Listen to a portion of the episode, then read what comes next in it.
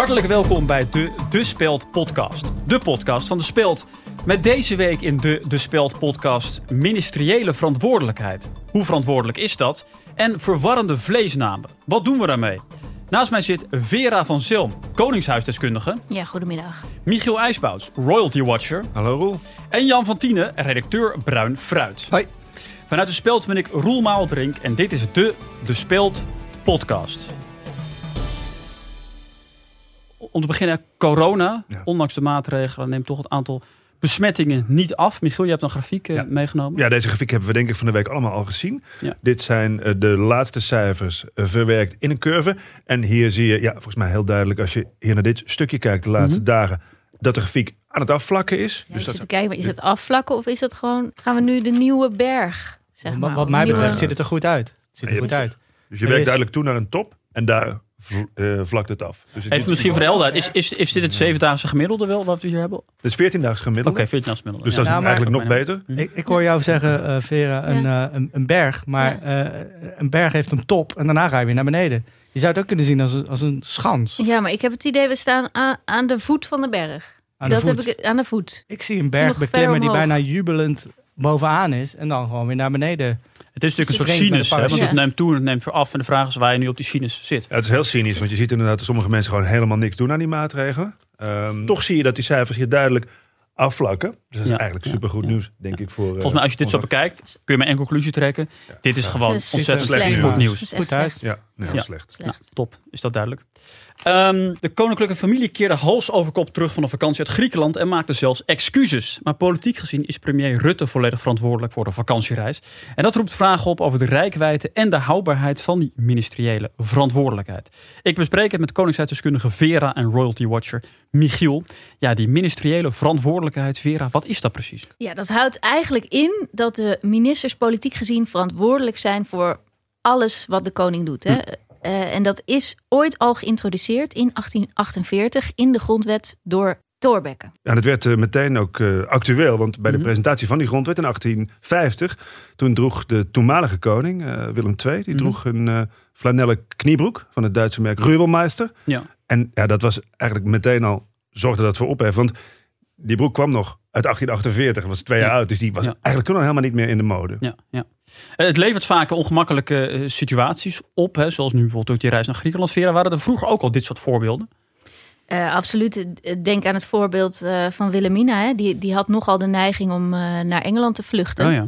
Bijvoorbeeld in mei 1940. En eh, de premier toen der tijd, de Geer, ja, die had natuurlijk wat uit te leggen. Ja, ja, dat snap ik. Dus die vluchtte vervolgens ook naar Engeland. Wat dan weer goed was voor Wilhelmina. Want eh, anders leek ze zo in haar eentje laf. En ik kan me ook voorstellen, Prins Bernhard, dat is natuurlijk ook wel een beetje een, een handenbindertje.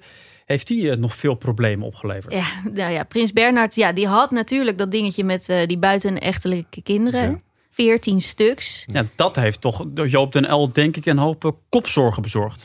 Nee, hij vond het prachtig. Oh. Die behandelde ze gewoon als zijn eigen kinderen. Wat hij deed, Den L. En dat was echt bijzonder. Hij nodigde ze allemaal thuis bij hem uit. Eh, alle veertien Ah, ja. op zolder, Oh, slaapfeestjes, wat leuk. eh, een paar emmers water beneden in de tuin. Hè? Appels erin, appelhappen. Kijk, en, en dat noem ik nou die echte ministeriële verantwoordelijkheid. Hè? Ja, 14 leuk. kinderen is eigenlijk allemaal ook goed terechtgekomen.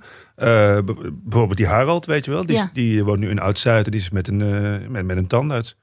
Dus dat is toen allemaal heel goed gekomen. Mhm. Even terug naar het heden. Een paar jaar geleden was natuurlijk ook al dat relletje met Willem-Alexander. Vera, hoe zat dat ook alweer?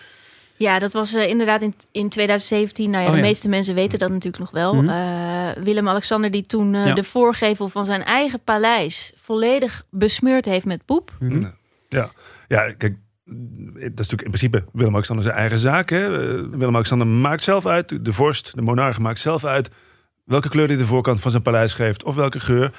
En persoonlijk vond ik dat bruin eigenlijk best mooi staan. Rutte zei er toen de tijd het volgende over. Ik ben volledig ministerieel verantwoordelijk. Eh, dus het is mijn inschattingsfout en ook mijn fout om niet eh, tijdig eh, te zeggen... we moeten dat nog eens een keer wegen. Ja, dit, dit blijft wat mij betreft echt wel eh, de schandvlek op de carrière van Rutte.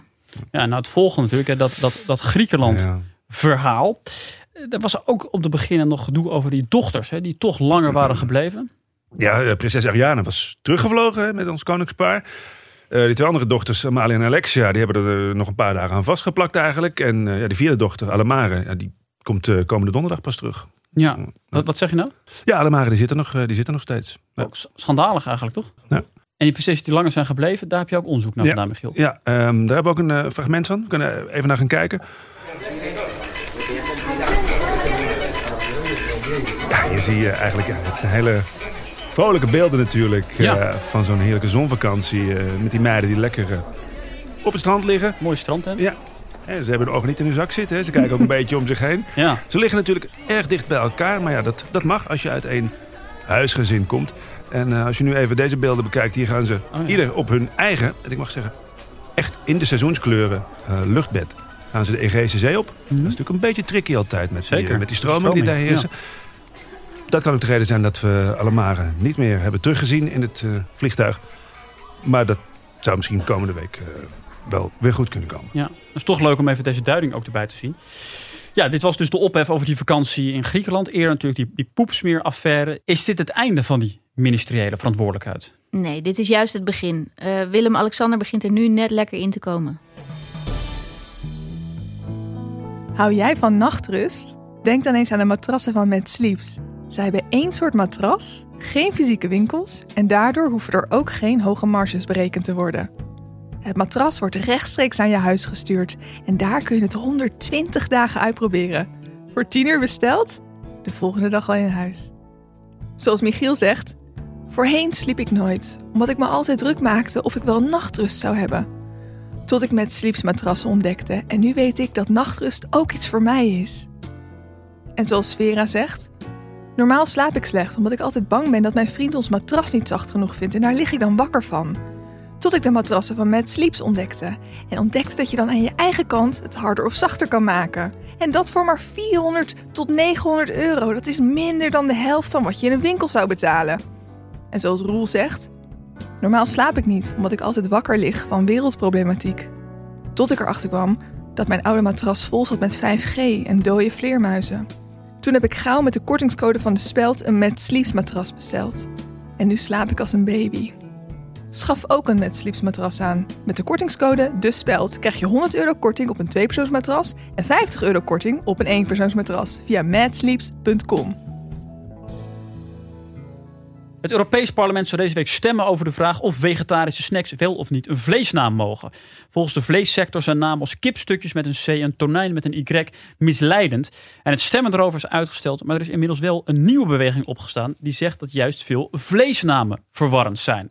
Verslaggever Bruin Fruit Jan van Tienen, welke vleesnamen zijn dan precies verwarrend? Nou, Roel, denk aan de slavink. Eh, belachelijke misleiding Oh, ja. van de vleesmafia. Zit er sla in een slavink? Zie jij groen? Nee. Nee, Zit er vink? In de slavink? Nee, ook niet. Nee. Nee. Het is gewoon heel lui een, een, een runder cilindertje in een, in een varkenslapje gerold. Ja. Ja, En, en, en bijvoorbeeld iets als, als kogelbiefstuk, waar ik dan aan denk. kogelbiefstuk is een uitstekend voorbeeld wat je noemt. Dankjewel. Eh, heeft in de verste verte niks met een kogel te maken. Mm. Oh ja. Is gewoon een koeienkwap. Het ligt op je bord als kwap koe. Ja. Noem het dan een koeienkwap. Wa- Stop die misleiding, snap je? En ik zit ook te denken, ik bijvoorbeeld runderhaas. Wel eens. Vond ik ook verwarrend. Daar word ik wel boos van. Kijk, jouw moeder, mijn moeder, loopt Mhm. de supermarkt in. Met een enorme eh, zin in haas. Ja. Ziet dan runderhaas liggen. Denk je 1 en 1 is 3. Gooit het in de mandje. Komt thuis van een hele koude kermis thuis. Ja. Want even, even sorry, runderhaas is geen haas. Runderhaas is geen haas, is rund. Dus noem het runderrund. Oh, ja. ja. Heb je er nog een? Sperrib. Iedereen denkt meteen aan oh ja, god. een sper van bolen. Ja, Precies, juist. Waar is de strike rib? Die is er niet. Ja. Noem het botvlees, botvlees, botvlees, rund. Ja. Is, Oké. Nee, dat is toch varken? Maar je hebt gelijk, ja. Ik eet sowieso geen vlees, maar goed. Ah, Ik kijk ook geen tv. oké. Ja, wat kunnen mensen dan doen als ze zich ook druk om maken en zeggen, nou, ik, ik wil iets Hmm. aan dit probleem doen? Het belangrijkste is ten eerste dat het bespreekbaar wordt gemaakt. Oh ja, Bespreek het ja, vlees. Zit je thuis met elkaar eh, vlees te eten? Kijk naar het vlees. Zeg hoe het eruit ziet en noem het dat. En jij zelf, wat ga jij doen? Ik ga volgende week naar Brussel om een eh, vleespop aan te bieden aan het Europees Parlement. Wat goed. Nou, dan wens ik je heel veel succes met die actie. En goed dat je het beestje bij het naampje noemt. Of in ieder geval het vleesje bij het naampje. Ja, dankjewel. Tot zover de De Speld podcast. Ik dank mijn gasten Michiel Uisbouts, Vera van Zelm en Jan van Tienen. Tot volgende week. Vleesje bij de naam? Wat, wat, Eh, ik weet niet. Ja. wat, wat bedoel je daar nou mee? Van het beestje bij het naam. Beestje bij het naam. En dan omdat het over vlees ging. Vleesje. Dat is Oh. toch, Beestje bij ja. het naam. Dat is een woordspeling. Oh, nou ja, zo, als een soort bruggetje of zo. Nou, gewoon als, als een soort leuk. Dus we zijn klaar. afsluiten. Omdat jij de presentator, Een jij de presentator bent. Ik bedoel Het is, wrap-up. het is geen halszaak. Ik kan het ook uitknippen.